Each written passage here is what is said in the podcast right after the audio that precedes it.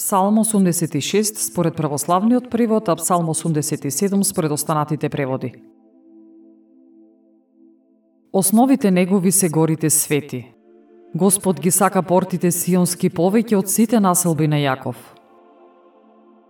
Граде Божје, преславно се зборува за тебе.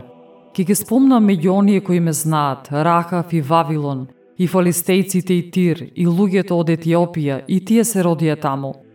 А за Сион ке речат, тој и тој човек се роди во него, и самиот Севишен го зацврсти. Кога ќе се пребројуваат народите, Господ ќе напише, овие се родија овде. Оние што пеат се радуваат, пеат и велат, сите наши извори се во Тебе.